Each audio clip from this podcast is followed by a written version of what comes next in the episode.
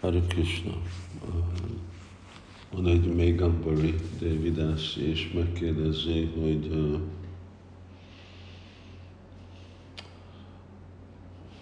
milyen, milyen tudatban imádjuk Krishnát, és uh, milyen, uh, milyen tudati állapot uh,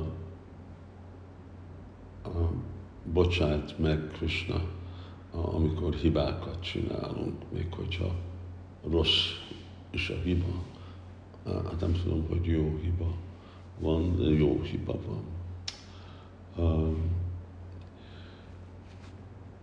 Jó, itt arról van szó, hogy igazából mindenki elkövet hibát.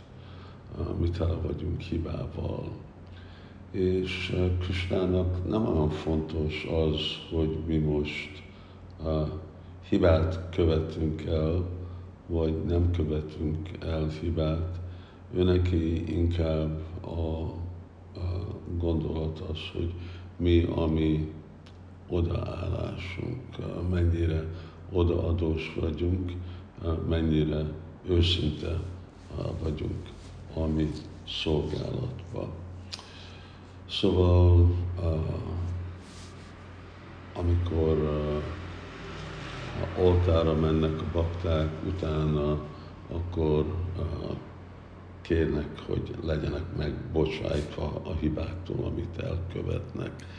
És uh, általában, amikor valamiféle uh, sértés követünk el Murtik ellen, akkor bocsánatot kérni, vagy olvasni egy fejezetet a Bhagavad Gita-ból, uh, az már úgy, úgy elég. Szóval Krishna megbocsájt hibákat Kali Jugában, úgy nagyon nehéz tökéletes lenni, senkit nem mondhatjuk, hogy tökéletes brahmana.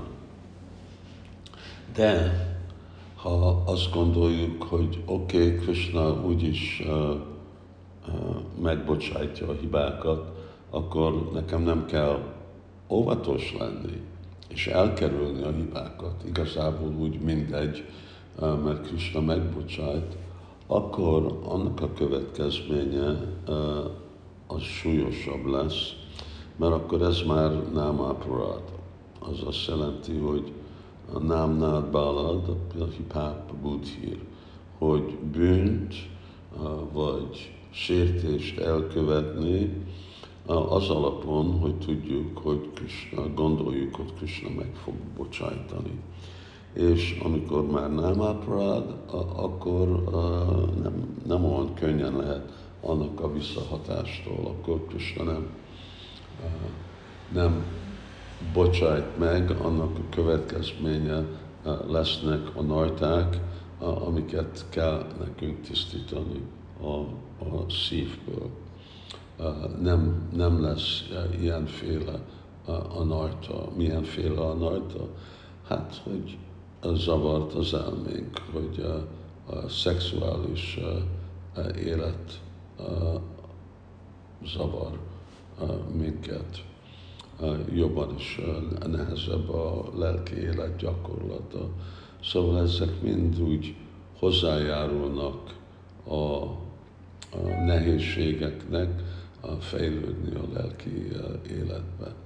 Arra, hogy hibát csinálunk, ott őszintén bocsánatot kérni, és Krista megbocsájt, nincsen semmi súlyos következménye. Szóval akkor az első kérdés, hogy milyen tudatba kell imádni Krishnát, hogy nagyon őszinte kell lenni, óvatos kell lenni, és nem szabad visszaélni Krishnának a kedvességével. És úgy akkor minden, minden jól van. Szóval ez a még Ambari Dévidásinak a kérdése. Hari